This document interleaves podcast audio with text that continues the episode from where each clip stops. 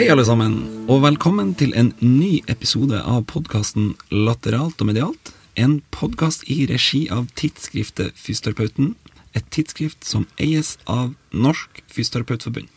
Mitt navn er Martin Moum Hellevik, og med meg her har jeg min gode venn og fysioterapikollega Joakim Mostue Halvorsen. Hallo, Joakim. Hei igjen, Martin. Da sitter vi i denne lille bula vår igjen, da. Det gjør vi, vet du. Ja, nå skal vi jo Nå er sommerferien over, nå er vi i gang igjen med nye episoder. Herlig. Ja, det her blir veldig kult. Um, og til nå i podkasten så har jo jeg og du prøvd å belyse viktigheten av å reflektere kritisk over egen praksis. Mm. Men i dag så skal vi um, snakke om hvorfor det er vel så viktig å reflektere kritisk over selve forskninga som danner grunnlaget for det vi måten vi jobber på, og det vi navigerer etter. Mm. Um, og vi skal i dag løfte frem en tematikk som har holdt seg under radaren, dessverre, for mange av oss de siste um, og, og, og, det til tross egentlig for at det her temaet har eksplodert de siste 10-15 årene innenfor flere Jeg tror faktisk det var så sent som i fjor at jeg eh, fikk eh, kom inn på dette temaet her. Ja, for min del så var det i 2019, Ja. eh, amerikansk konferanse, som jeg ble kjent med det. Ja. Og det dreier seg jo om en sånn omfattende selvgranskning innenfor forskningsverden. Eh, Og den har ført til mer eller mindre rystende funn som har sådd tvil da, til selve fundamentet innenfor ulike fagfelter. Men eh, før vi åpner denne lille Pandoras eske i hermetegn her, da, så skal vi innlede litt med å snakke om hvordan våre observasjoner, funn, tolkninger påvirkes av, vi, av hva vi bevisst eller ubevisst ønsker å se. Og hvordan det å stå i endringsprosesser ikke bare er vanskelig fordi at man eh, vanskelig å tilegne seg ny kunnskap, men det er også noe med hvordan den nye kunnskapen tolkes. Mm. Eh, og det er nok, sånn som du sier, altså disse endringsprosessene er vanskelig og krevende å stå i. Eh, og en av grunnene til det er at det, eh, det kan virke som man ofte tilegner eh, disse endringsprosessene noe som har med identiteten vår å gjøre. Eh, ikke nødvendigvis at det er meningene våre eller våre faglige synspunkter. Eh, og det er en psykolog og professor som heter Adam Grant, som nettopp publiserte en bok som heter Think Again, eh, hvor han trekker fram akkurat dette her som en av de største barrierene for å egentlig kunne endre vår forståelse eller synspunkter innenfor temaer. Altså, eh, når det kommer til dette med identitet, så er jo det egentlig egenskaper og verdier som er mer iboende i oss. Mens når det kommer til meninger, så er jo det vår forståelse eller våre synspunkter eh, basert på den informasjonen som er tilgjengelig på et gitt tidspunkt. Eh, og det er klart, hvis man føler at identiteten blir angrepet når det kommer til noen som, som har et annet faglig synspunkt Det er vanskelig, ikke sant? Det er sårt. det blir veldig emosjonelt. Ja. Eh, mens hvis man heller kan se det som at det er jo meningene og synspunktene våre, ikke noe som har med meg som person å gjøre, eh, så, så kan man kanskje klare å få en litt mer sånn distanse eh, mellom, mellom dette, og separere disse emosjonene med heller den faglige forståelsen. Men den der knappen, den eh, Har du den? Du kan bare slå det her av? For det er jo fletta så vanvittig tett sammen, det her, da. Veldig. Det er det. Eh, og den knappen finnes jo dessverre ikke, Nei. i hvert fall ikke meg bekjent. Eh, men det er klart det at eh, hvis, hvis man klarer å se det at det, eh, dette med meninger eh, faktisk baserer seg på den informasjonen vi har tilgjengelig, så må man jo også da kunne se at når informasjonen tilgjengelig endres, altså kunnskapsgrunnlaget er i endring, så bør jo også man, man gjøre en sånn oppdatering eh, av meningene våre, altså de faglige synspunktene vi har. Men eh, det du snakker om nå, man kan jo trekke tydelige paralleller til begrepet confirmation bias her. Fordi eh, man eh, Det ser ut som at man trekkes mot, eller vektlegger, synspunkter som støtter om ens egen tolkning av et fenomen. Mm. I den, når man prøver å tilegne seg kunnskap, da, og grovt forenkla, så handler det om at uh, vi liker at andre er enige med våre egne meninger. Uh, og, og, i det her så kan jeg jo bruke meg sjøl som eksempel. Og hvis jeg leser en artikkel som stiller seg kritisk til måten jeg ser på ting, mine synspunkter Det første jeg gjør da når jeg leser den artikkelen, og det her gjør, her tatt meg sjøl i å gjøre mange ganger, det er at jeg leter etter feil. Jeg leser den artikkelen, sitter konsekvent og leter etter feil i den. Mens hvis jeg leser en artikkel som støtter opp om mine synspunkter, og som bekrefter mine teorier og tanker, så sitter jeg og gir meg sjøl high five, vet du, og, og nikk anerkjennende til hvor jævlig smart jeg er.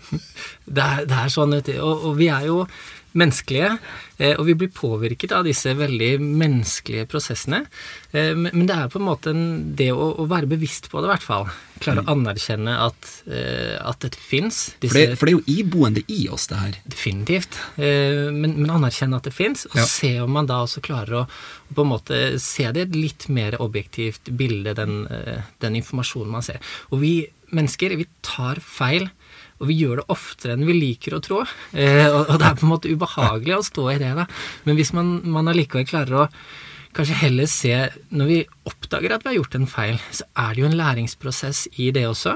Vi har mulighet, litt sånn som Madam Grant eh, snakker om i boka, det å eh, think again, eller vi må bare tenke på nytt, eh, og gjøre oss opp nye meninger.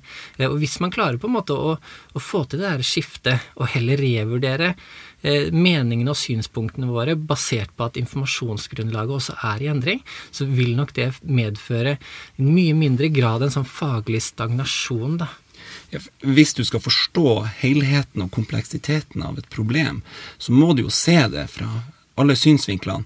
Så du kan ikke bare holde deg til det som, som du er enig i i utgangspunktet. Du må tørre å gå og se det fra andre punkter. Ja. Det blir ikke noe utvikling da, hvis man på en måte blir stående i den der selvbekreftende prosessen. Mm.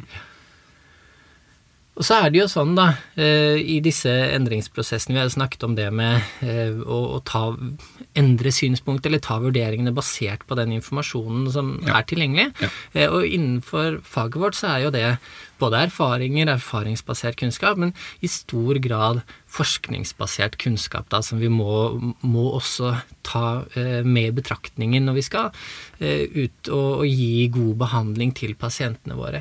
Mm.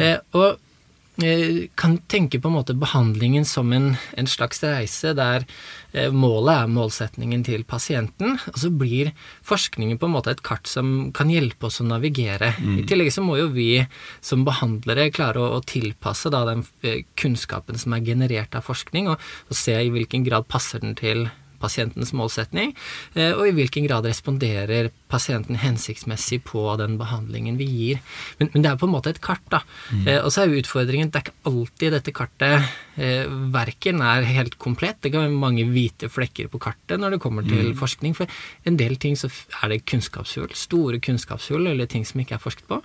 Og i andre tilfeller så ser man jo at kartet er helt feil. Ja, og det er det her som er så vanskelig med det kartet vi navigerer etter. fordi alle møtene med pasienter er jo dynamiske, og det er store individuelle variasjoner fra pasient til pasient. Mm. Og målsettingen er ulik. Og, og for å um, forkludre det her litt ekstra, så ser man jo også at man, den forskninga som kommer, den man skal uh, prøve og, uh, Den som skal bidra til at det kartet blir mer forståelig, den er ikke alltid så solid som man man kanskje har tenkt at den skal være da. Ja, eller skulle håpet at den skulle, skulle, at den skulle være. Ja. Definitivt. Ja. Um, og, og, på en måte, Forskning har jo styrker og svakheter, eh, mm. og den måten å generere kunnskap på som skjer gjennom forskning. Mm. For Man kan jo si på en side så innenfor forskning så kan man i hvert fall samle data og informasjon på store antall observasjoner. Eh, så det er klart, hvis man sammenligner på en, måte en, en stor anonymisert eh, multisenterstudie med tusenvis av deltakere, eh, og skal sammenligne det med hva jeg klarer å få erfaringer her på klinikken, så, så blir det jo en veldig sånn skjevfordeling i hvert fall antall observasjoner. Men så er det jo, som du sier, ikke nok på en måte med den forskningen bare at den kan generere store, store mm. tall. Man prøver å finne objektive mm. sannheter. Eh, men det, man kan jo også stille spørsmål med eh, hvem er det det forskes på? Mm. Er dette her eh, noe som i det hele tatt har en overføringsverdi til Min pasient? Yes, ja. i, med alle de utfordringene som min pasient representerer. Mm. For han kommer jo gjerne ikke inn bare med en ene enkelte diagnosen som har blitt forska på. Nei, og det er jo problemet i forskning ofte, at de selekterer pasientene, eller de har så strenge inklusjonskriterier, at veldig mange av de det man kan si som måte, reelle pasienter, da, de Ja. blir ekskludert i den prosessen Ja. fordi de ønsker å forske på et så kontrollert eller lukket miljø som mulig. Eh, Men, men det mister på en måte mye av den der praksisrelevante eh, informasjonen og kunnskapen fordi det blir den selekteringen av pasienter. Ja, og, og noe som gjør det her enda mer komplekst, det er jo det at eh, man kan jo tenke at eh, den åpenbare grunnen til at man selekterer sånn, og man er så rigid her i eh, hvem man inkluderer, at det handler om at man har kun et ønske om å finne ut av et problem. At forskerne har en sånn iboende kunnskapssøken, så derfor gjør de det på den måten. Men, men noe som gjør det her vanskelig, er at eh, det er helt klart ulike motiv, ulike drivkrafter her, både fra forskerne, men også fra tidsskriftene som publiserer det her. Og det her samspillet her er jo ganske interessant, og noe som ikke snakkes så ofte om. For en, en som forsker, en forsker, han eh, ønsker jo gjerne å bygge en karriere på det her. Og da er han avhengig hvis han skal f.eks. søke jobb på et forskningsinstitutt, så er ofte den her publiseringshistorikken til vedkommende veldig viktig.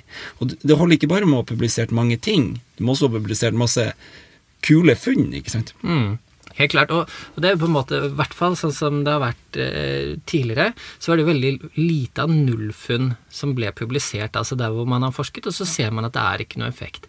Det er klart et nullfunn, det er ikke like sexy kanskje som når man finner, eh, finner et funn, men, men det har jo en verdi. Eh, Ja, definitivt. For, for hvis man bare publiserer det som gir positive funn, så vil du jo få en veldig skjevhet innad i hva, hva som eh, publiseres av den forskningen. Da. Ja, og akkurat når det her kommer til det med nullfunn, så nå har de jo For det her er noe som diskuteres mye. Og de har jo til og med laga egne tidsskrift kun for nullfunn.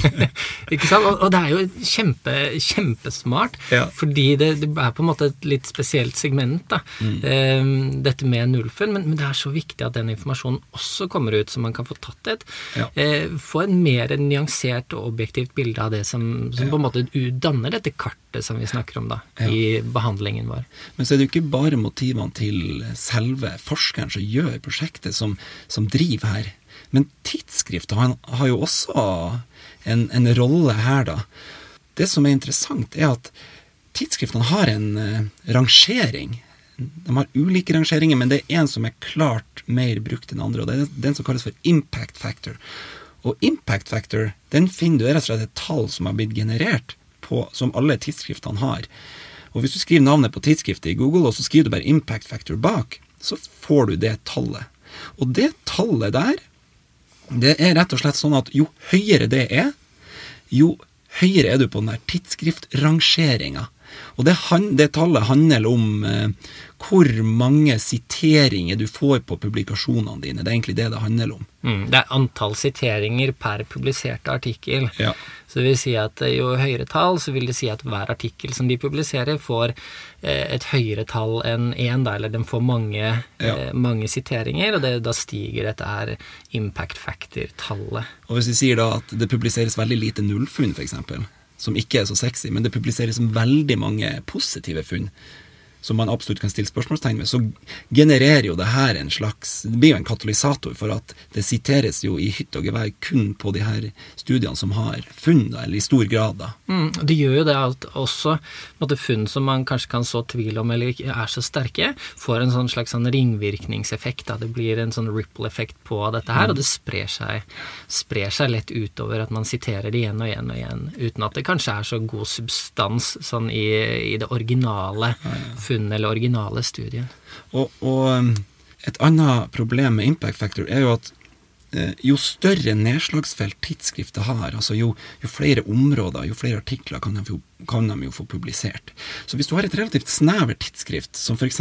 kun ser på rehabilitering, da, så er antallet studier som publiseres der, og antallet siteringer som gjøres der, det er ikke like høyt som f.eks. i Nature eller Science, som har enormt nedslagsfelt. Det gjør at de små tidsskriftene, som kan være vel så gode, da, men har mer snevre felt, har lavere impact factor. Så når du da skriver eh, søk opp et eller annet godt tidsskrift innenfor rehabilitering, så vil du se at det har ganske lav eh, impact factor, selv om at tidsskriftet er veldig bra. da. Mm. Eh, så, så det er en eh, og i, og i tillegg så er impact factor, selve utregninga og selve rangeringa, eid av et privat selskap som heter Thomson Reuters. Så, og, eh, og alle nyansene ved analysen, den er ikke offentlig. Så man vet at det handler om antall siteringer, men det er nyanser her, da. Så, så det her gjør at eh, det kanskje er insentiv da for å presse på med å få flere publiseringer, så mange som mulig, og bare sitere i hopetall bare for å komme høyere opp. Um, nå når vi er inne på det her med eh, hvordan forskninga påvirkes av ulike, fra ulike sider, så, så, så, er det naturlig å over mot det her med at er forskninga eh, Kan man reprodusere? Kan man stole på den? Er det sånn at de funnene som er, er de bunnsolide? Og det er egentlig det her som har satt i gang det her granskninga her som har satt i gang det vi snakker om helt til å begynne med, det her med replikasjonskrisen innenfor psykologi. da. Mm. Um, og hvordan replikasjonskrisa i ulike felt har ramma selve fundamentet, da. Mm. For replikasjonskrisen er jo en metodologisk krise innenfor forskning. Og dette er startet i, innenfor psykologien i 2011. Ja. Eh, og 2011 kan man vel si for psykologi som fagfelt, det var ikke sånn knallår. Det var ikke det beste året i psykologifagfeltet, nei. Det var ikke det beste året. Eh, men hendelsene som skjedde i 2011, har nok ført til at psykologien i dag har eh, gjort endringer og, og blitt mer bevisst på denne krisen, eh, og sånn sett også står sterkere. Eh, men det som startet var flere hendelser, som sagt, i 2011, men blant en av dem så var det en eh, litt sånn skandaløs hendelse hvor man fant en sånn omfattende forskningsjuks. Det var en, en nederlandsk forsker som heter Didrik Stapel, som hadde publisert over en periode, i hvert fall fra 2004 og helt fram til 2011, så hadde man sett det at han kom med ulike publikasjoner, ganske sterke tidsskriv, sterke publikasjoner, funn som på en måte endret synspunktene innenfor psykologi som, som fagfelt. Eh, og i hvert fall 30 publikasjoner i dette tidsrommet som man senere fant ut at både var eh, at han hadde manipulert litt på dataen, for det var nok der det starta. Ja. Men når du samler inn data, så, så, var det kanskje noe som ikke passa helt. og så begynte han å, å, manipulere litt sånn i det små. og hva han forteller selv, altså, så er ikke det helt uvanlig innenfor forskningsverden at, at forskerne på en måte tweaker Gjør små justeringer. Ja. Noen sånne endringer eh, som skjer. Og så han, ble det, han, det sånn, ble litt heftigere for hans del. En liten sånn slippery slope ja. hvor det liksom balla på seg. Ja. Eh, og til slutt så satt han jo og fabrikkerte hele studier eh, hvor det var da ingen datainnsamling som foregikk. Eh, og, og, de ble publisert i bunnsolide ja, tidsskrift? de gjorde det. Og, og, det var jo ingen som visste om dette her. Men han hadde flere ph.d.-studenter, altså doktorgradsstudenter, som jobbet foran, og som på en måte var også med på denne forskningen. Men de fikk da ikke lov til å være med i innsamlingen av data. Og Nei, det skjønner man jo. ja, De syntes det var rart, men, men, det er klart, når han satt og, og bare lagde dette hjemme, så, så, skjønner man jo at han ikke ville ha med noen andre på det. Mm. Eh, men, men, det var i hvert fall en sånn hvor man så her kan ting publiseres veldig feil. Eh, og så, da, litt sånn fra sidelinja, ja, ja, ja. så, så, var det en annen, en annen forsker som heter eh, Bem Daryl Bem, som publiserte en studie som heter 'Feeling the Future'. Det er en bra tittel, da. vet du. Det er en veldig, veldig dekkende og beskrivende tittel. og Det er egentlig en serie på ni forskjellige studier der de eh, prøver å undersøke fenomenet precognition, eller på norsk fremsynthet, eller altså mm. eh, forutanelse. Eh, og dette er noe som beskrives inn blant fenomenene som kalles PSI, som er på en måte da eh, uforklarlige fenomener med en energi- eller informasjonsoverføring eh, via kanaler eller metoder som man ikke helt klarer å forklare, verken med fysiske modeller eller lover, eller bio, biologiske modeller, da. Mm. Andre eksempler på PSI er blant annet telepati og clairvoyance, eller sånn klarsynhet, da. Mm. Eh, og, og, for så vidt greit nok at han forsker på dette her. Eh, det som de så på en måte var utfordringen innenfor feltet, var at forskningen var jo veldig metodologisk rigid og veldig veldesigna.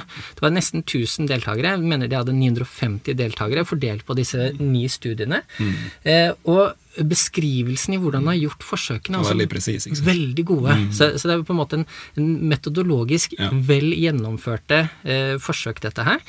Og så klarer han i tillegg da å vise en statistisk signifikant som indikerer Det at har noe for seg, det her. precognition fins Mm. eh, i åtte av de ni studiene som han gjør. Så Så på ganske man mange av de pasientene, altså. ikke sant? Veldig mange. Mm. veldig mange av deltakerne. Og han Ja. Mm. viser da en statistisk signifikant. Dette regnes da ofte med at det er en P-verdi under 0,05, og det Ja. var det i, vel, i masse på en måte og vel så det, på disse studiene. Så, så han har vist det da, statistisk signifikant at precognition finnes. Jeg skal si Effektstørrelsen var ikke veldig stor, de var ikke sånn voldsomt eh, fremsynte, men, men dog så var det statistisk signifikant. Eh, og Bem hadde nok håpet at dette her ville på en måte åpne opp for, eh, for PCI som felt, Som er starten på noe stort. Da. ikke sant? Her har han klart å vise at det faktisk fins. Eh, utfordringen og, og det som skjedde i det psykolog, eh, altså psykologi som fagfelt isteden, var jo at man heller så dette enten så må man på en måte tro på noe som eh, logisk sett ikke henger på greip, eller så må man faktisk erkjenne at den forskningen som vi baserer oss på, Ja. den, den kan være så fryktelig gal eller feil at, at man kan få, eh, få fram statistisk signifikante funn eh, uten at det faktisk er eh, en reell et, et reelt fenomen, da. At uh, precognition faktisk fins. Spørsmålet er jo, hva skjer når du bygger et jævlig fint hus på et vaklende fundament, da? Det er det, vet du. Det er det her som er spørsmålet. Og de to eksemplene du kommer med nå, det er jo litt sånn eh, Nesten litt sånn utskuddene. Man kan si at ja, men det er unntakene, ikke sant. Eh, men i 2015 så skulle man se at det her med at eh, fundamentet vaklende, det gjeldte hadde større nedslagsfelt enn det man trodde. Og igjen innenfor psykologien, Brian Nosek og hans kollegaer, han hadde pinadø fått med seg over 250 Ja, De var 270, 270 ikke forskere til sammen. På, og det her var på frivillig basis.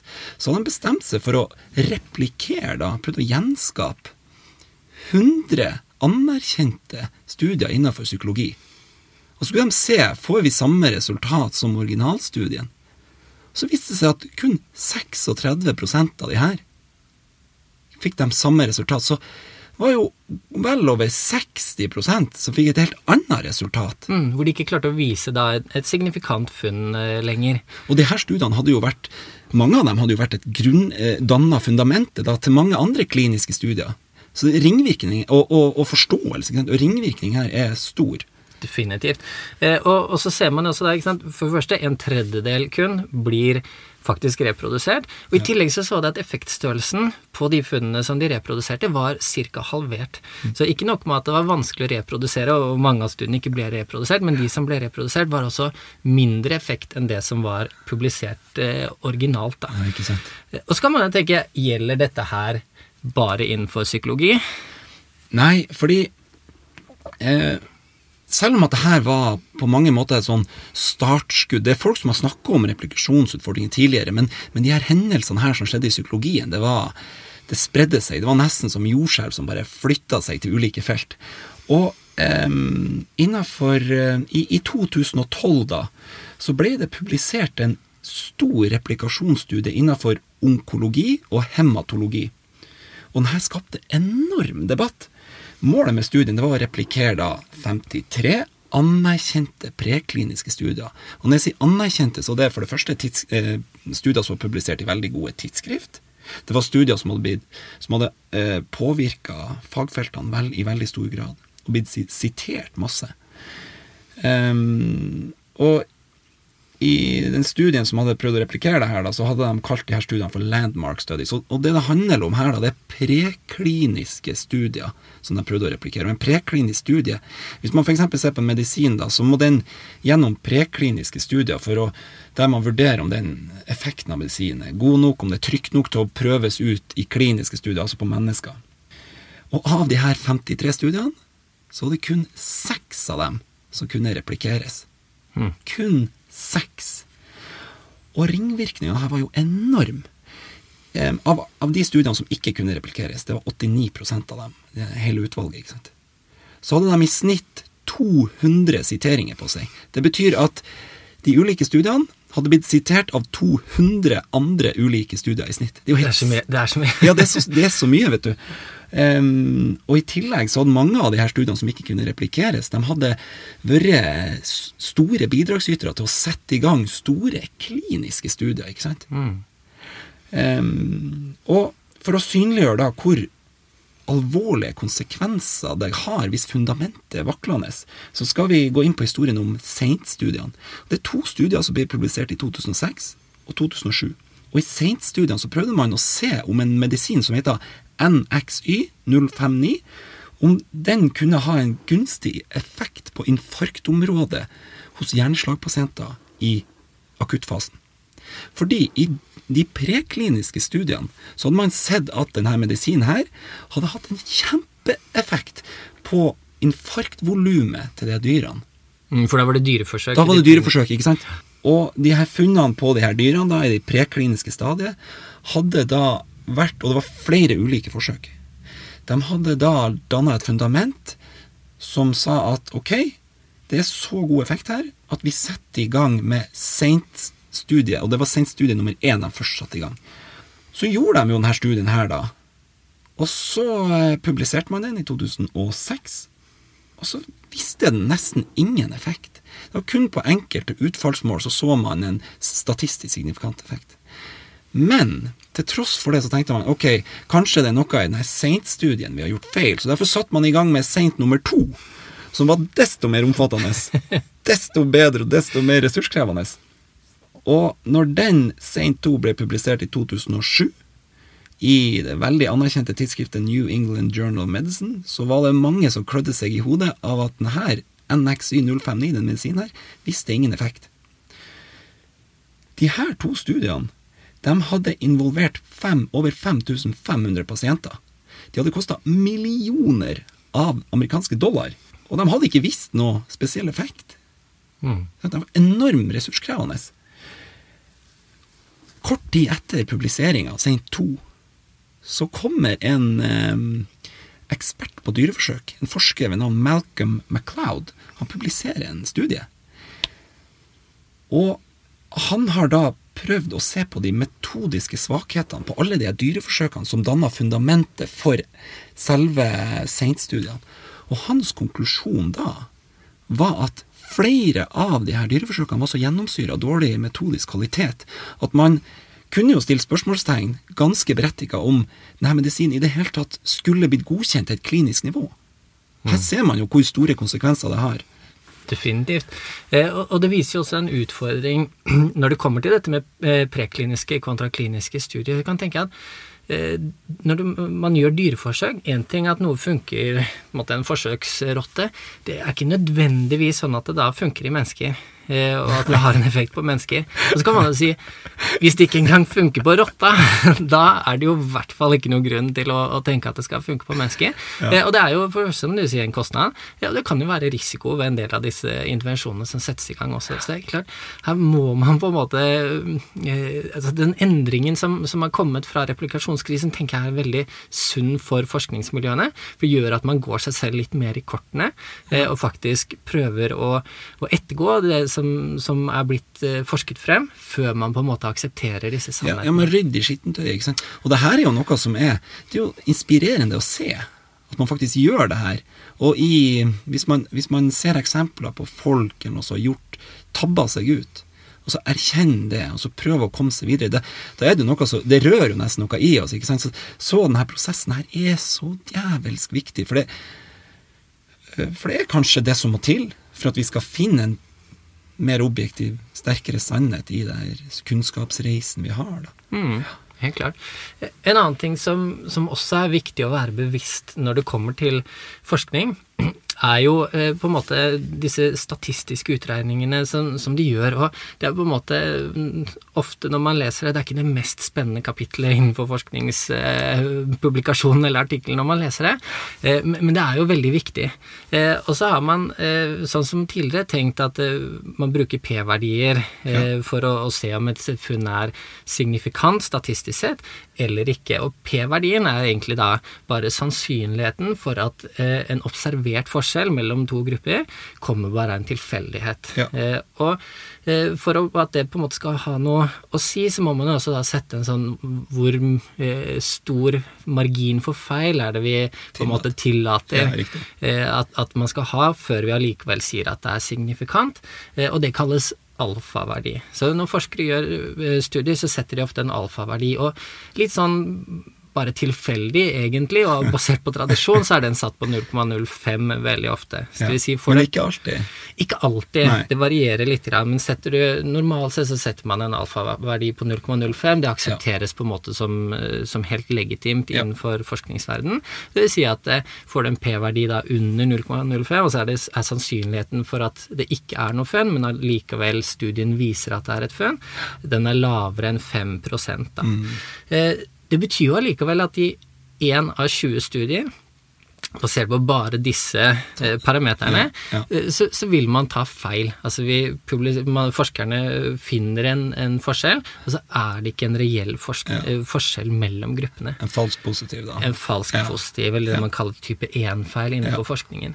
Og så, i tillegg for å forkludre dette her enda litt mer da, for oss som ikke er statistikere, eh, så er det et par publikasjoner som, som står ganske sterkt på dette, matematiske utregninger. Ja. Eh, men både eh, Ionadid Ioannidis, tror jeg. Ioannidis fra 2005. Veldig sånn eh, publikumvennlig, lyttevennlig navn på han. eh, og, og Kolkohon fra eh, 2014 ja. eh, har sett på dette her. Eh, og så ser man det at eh, ikke bare har P-verdien mye å si for i, i, hvilken grad man publiserer eller finner forskjeller der hvor det ikke nødvendigvis trenger å være det, men også pretestsannsynligheten, altså hvor, hvor, stor sannsynlighet innenfor det feltet man forsker på, er det for at man finner funn. Ja. og sånn, for å prøve å lage et eksempel av dette, jeg tenker innenfor fysioterapi, hvis vi har 1000 forskjellige studier som gjøres, og det kan være innenfor hele fysioterapi som, ja. som fagfelt. Ja. Hvis man sier at i snitt av disse 1000 her, så er det ca. 10% hvor det er en reell forskjell da hvis man ser på en, to intervensjoner ja, eller prøver å finne ut et fenomen. Så. Ca. 10 er reell forskjell. Ja. 90% så, så er det en, ingen forskjell mellom gruppene. Nei. Tenker man da er det egentlig 100 100 eh, reelle forskjeller, ja. 900 hvor det ikke er noen forskjell Nei. mellom gruppene. Nei. Og så er det jo sånn innenfor forskning at for å finne disse eh, funnene, så setter man også litt med utvalgsstørrelse og ressursbegrensninger, så setter man ofte en power, en verdi på den, rundt 80 eh, eller at man i 80 av tilfellene ja. eh, som man forsker på, hvor det er et reelt funn, så vil vi finne det. Så vi sier at er det 100 mm ordentlige funn, altså ekte, reelle forskjeller mellom gruppene, så vil forskerne finne ca. 80, 80, av disse. Så er det riktig. 20 som, som, man ikke finner ja. eh, en forskjell, men så er det egentlig en forskjell, en sånn falsk negativ eller type 2-feil. Ja, som faller utafor, ikke sant. Ja. Så av 1000 mm. studier nå, så har vi 80 som blir positive, da. Mm. Og de får jo forskerne selvfølgelig publisert, fordi det er veldig hett å publisere dette, mens nullfunnene blir ikke publisert i, i samme grad. Mm. Men så har vi problemet problem, og der det virkelig oppstår, at da har vi jo 900 studier eh, igjen, hvor det ikke er noen forskjell mellom gruppene.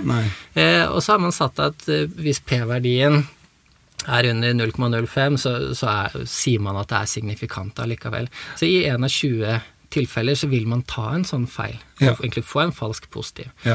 Og når antallet er så stort, 900 studier, så blir jo det faktisk 45 av disse, mye, disse studiene, ja, som da man, forskeren tror at det er en forskjell, og så er det ikke noe reell forskjell mellom Nei. gruppene.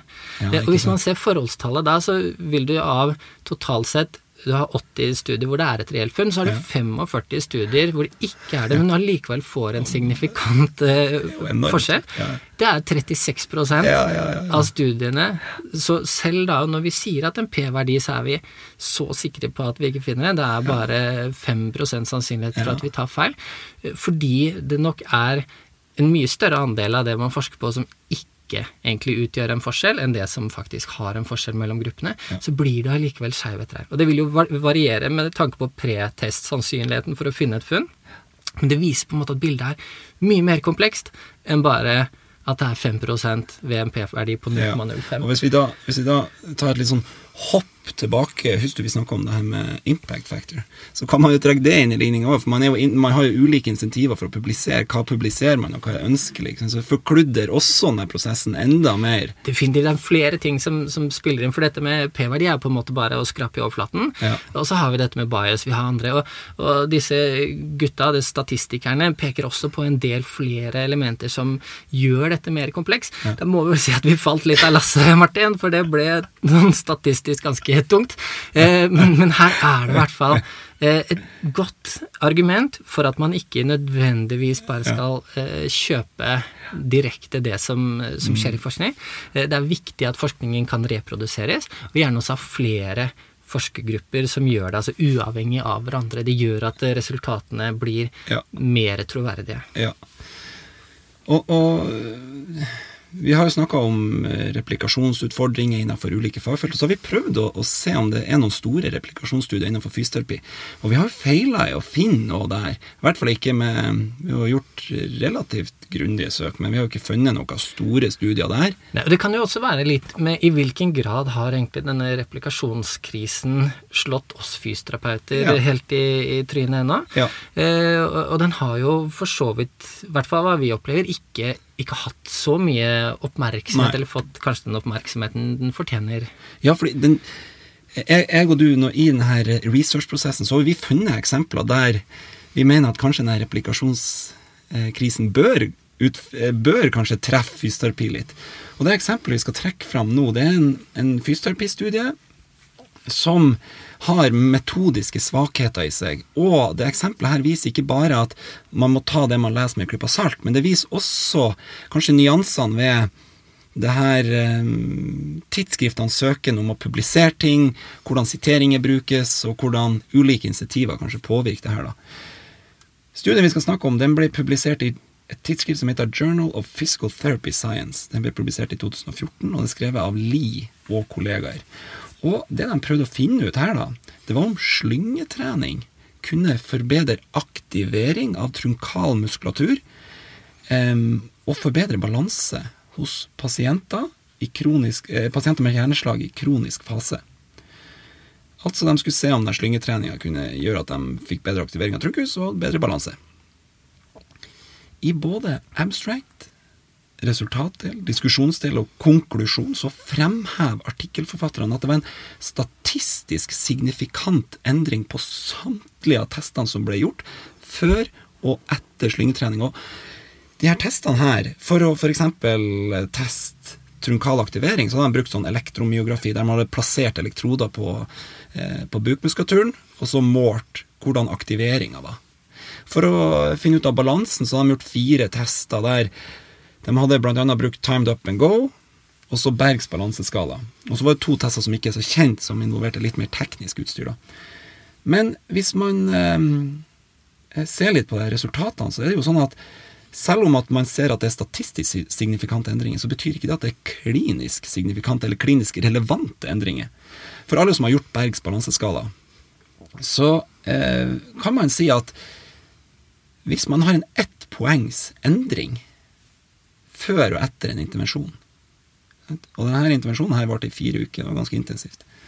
Ett poengs endring på berg, det har egentlig ikke noe spesiell effekt. Fordi på mange av bergstestene så kan du jo vurdere om de skal ha tilsyn eller ikke, og det er sånne små nyanser som kan gjøre at du plutselig går ett poeng opp eller ett poeng ned. da. Det er jo målefeil i alle disse instrumentene man bruker. Yes. Sånn som en del av disse selvstandardiserte testene har jo eh, relativt store målefeil. Ja. Og, og, og ett poeng er Da kan vi vel så, så, lett si at ja, men det her jo, kan jo godt være målefeil. Og på timed up and go, i den studien her, så ble den tatt med manuell stoppeklokke. Da var det ett sekunds endring, altså forbedring, da, fra mm. før intervensjon og etter. Mm. Og da hadde de ikke gjort eh, tester underveis i intervensjonen. ikke sant? Så, så ett sekunds endring med manuell stoppeklokke, det er Litt treg på tommelen, så er Litt det treg det. på tommelen, så er du der, ikke sant. Og det her gjennomsyrer egentlig de små, nesten som klinisk irrelevante endringene, forbedringene. Det gjennomsyrer samtlige av testene i denne studien. Og istedenfor å, å, å kanskje da si at nei, effekten her var egentlig ikke så stor, at det har kanskje ikke noe klinisk eh, relevant effekt, så pøs de her artikkelforfatterne på med at det her er en statistisk signifikant endring, og så bruker de det her eh, forklaringa her på å da tillegge denne intervensjonen en god effekt. Og de konkluderer til og med med, selv om det ikke var det de målte, da, så konkluderer de med at denne intervensjonen kan føre til en effektiv forbedring av muskelstyrke i trunkus. Og, og fun fact her er jo at de hadde ikke en én enkelt test som så på isolert sett muskelstyrke av trunkus. De så ikke på styrke, de så på bare aktiveringen. Aktivering, altså hurtigheten i aktiveringen. Og, og, så, så man, kan man må ta det man leser med en klype salt. For man kan lese man resultatene i lys av det som står i abstract, f.eks. her, så ser man at man må ta det med en klype salt. Og I tillegg så var det veldig få antall deltakere med i denne studien her, som, som gjør det enda vanskelig å tyde her. da. Men greit, det her eksempelet her, metodiske svakheter, men i tillegg så synliggjør det um, hvordan det her bruken av siteringer kan, kan, kan være vanskelig å tolke. Denne studien her, Hvis man går inn på f.eks. PubMed, som er en database, så ser man hvor mange siteringer denne studien har fått. Så, hadde den fått, så var det fem andre studier som hadde sitert den. Og alt, samtlige av de studiene som hadde sitert den, hadde brukt denne studien til å forklare at ja, balanse forbedres av slyngetrening, trunkus styrke forbedres av slyngetrening. Så de hadde brukt den studien til å konkludere med at eh, her, har, her er det en effekt. Tre av de her fem studiene kommer fra samme tidsskrift, nemlig Journal of Physical Therapy Science, som er det tidsskriftet som den originalartikkelen ble publisert i. Og da har de sitert den, brukt den i sin forklaring av sin egen studie, og det her er jo ting som da kan påvirke Jo flere siteringer du får, ikke sant? kan man jo tenke at det her kan påvirke da. I hvert fall tidsskriftet sin rangering. Jeg tenker jo at det er et eksempel hvert fall på at her er det for det første viktig å tenke at noe må være også klinisk relevant eller signifikant. Altså øh, det må ha en effekt for pasientene før man skal på en måte blåse det opp i, i disse tidsskriftene. Eh, at man ikke bare kan se på dette med statistisk signifikans i studier. I tillegg så eh, er det jo også et tegn på at kanskje det å, å ha et fokus på å begynne å reprodusere noen av de studiene, kanskje de litt mer sånn fundamentale studiene som, som går på hva fysioterapi er, hvordan man gjør intervensjoner innenfor vårt felt, eh, at det også er dags for å begynne med det. Eh, Og som du nevnte, så, så har vi jo ikke klart å finne noen studier hvor man har Nei. prøvd å reprodusere ordentlig, hvor de har gått og på en måte ettergått metoden fysioterapi. innenfor fysioterapi, eh, hvor de har eh, ettergått metoden til originalforfatterne for å prøve å reprodusere studien. Men sånn som med diagnostiske, diagnos- diagnostiske studier, så kan man også ta det som et eksempel, for der veldig ofte på noen av disse ortopediske testene vi har, eh, så er det en forskergruppe som først publiserer den, og får gjerne navnet sitt på testen, og eh, det er et stor stas man får, får dette her fram. Eh, Og et eksempel på det er blant annet The Lever Sign Test, eller Lelly-test, som også, også um, kalles. Så da var det Lelly og kollegaer i 2014 som publiserte den. Det er en test for ACL-rupturer eh, i kne, Ja. så fremre korsbånd. Og på en måte det, Fordelen med testen er at den er veldig sånn enkel å gjennomføre. Den gir et dikotomisert svar, ja eller nei. Er det en. ACL-ruptur? Eller ikke, ja. Ikke sant, Det er ikke noe du trenger å mikke og mukke og, og føle veldig på. Eh, men eh, utfordringen er jo at den er kanskje ikke så god som de først antok. For Lilly og forskergruppen, når de presenterte dette her, så fant de en sensitivitet og en spesifisitet på 100% Det er jo sjukt det er helt, helt fantastisk hvis, hvis vi har en så god test. Ja, ja, ja. Eh, og så er det jo dessverre ikke sånn når, når den blir ettergått, eller at flere forskergrupper forsker på samme studie. Da har de ikke prøvd å, å gjennomføre akkurat likt design, så det er ikke en reproduserbar st- eller eh, de prøver ikke å reprodusere studien Ja. til Eli, men de forsker også på samme test opp mot de andre ACL- eller fremre korsbåndstestene. Eh, og, og der ser man i ettertid Jeg gjorde i, i forbindelse med masterutdanningen min en sånn kritisk eh, vurdering av akkurat den testen og så på forskningen rundt den. Eh, og av de syv andre artiklene som har sett på dette ja. på det tidspunktet jeg gjorde det, så var det tre av de som var ganske god kvalitet sånn metodologisk. Eh, og av disse tre så fant de en sånn effektstørrelse på sensitivitet mellom 40 og 80% og spesifisiteten var rundt 60 til 80. Så tilsvarende som en fremre skuffetest sånn eh, i snitt når man ser på det, eh, og egentlig da ikke en test som man må starte å, å utføre, men det var jo det første gruppen fant, ikke sant? Helt, eh, Vanvittig god test. ja. Men de som hadde etterprøvd det her Ja, de, de fant ikke det. Ikke sant? Så, så det, det bare et sånn eksempel igjen på ja. eh, Iblant så kan du få førstestudier som virker helt fantastiske. Vi må vente og, og se også er det noen som klarer å, å gjenta dette her, eller hvordan ser effekten ut over tid Ja. på disse studiene? Det hadde jo vært eh, veldig interessant å sett på på styrken til de diagnostiske testene som preger feltet vårt. Og det kan jo være noe vi kan se på på et senere tidspunkt. Nå har vi sluppet en del faglige bomber rundt omkring. Ja. um, og jeg tenker at, uh, at det her er et fint tidspunkt å, å slutte på. Jeg syns det her har vært veldig interessant. Jeg anbefaler alle å sjekke opp replikasjonskrisen. Og hvis du søker 'Replication Crisis' og 'Nature' i Google, så finner du veldig nyhetsvennlige og gode artikler. Vi kommer også til å legge referanser Ja. på disse artiklene som vi har snakket om i dag, på nettsidene til tidsskriftet Fysioterapeuten. Så gå under fanen podkast, og så inn på episoden, og så blir det da liggende referanser eh, innunder der. Ja. Så eh, det vi eh, vil gjøre helt avslutningsvis, det er jo å, å takke tidsskriftet. eh, Jon og Irene og redaksjonen for kjempegod backing og støtte når vi trenger det. Og vår eminente lydtekniker, han Per, Moem Hellevik. Det er veldig artig, det her. Og vi, vi Kanskje det viktigste er at vi fortsetter å få tilbakemeldinger. Vi har fått, det har vært et enormt engasjement fra lytterne gjennom hele sommerferien. Så vi trenger tilbakemeldinger ifra dere. For at vi bruker dem til å prøve å eh, skape et bedre produkt her, altså. Og alle spørsmål som kommer inn Nå er det kommet et spørsmål, og vi skal svare. Men det har vært litt hektisk. Ok, jeg tror vi gir oss der, Joakim. Det her har vært dødskult. Veldig. Ok, takk for nå.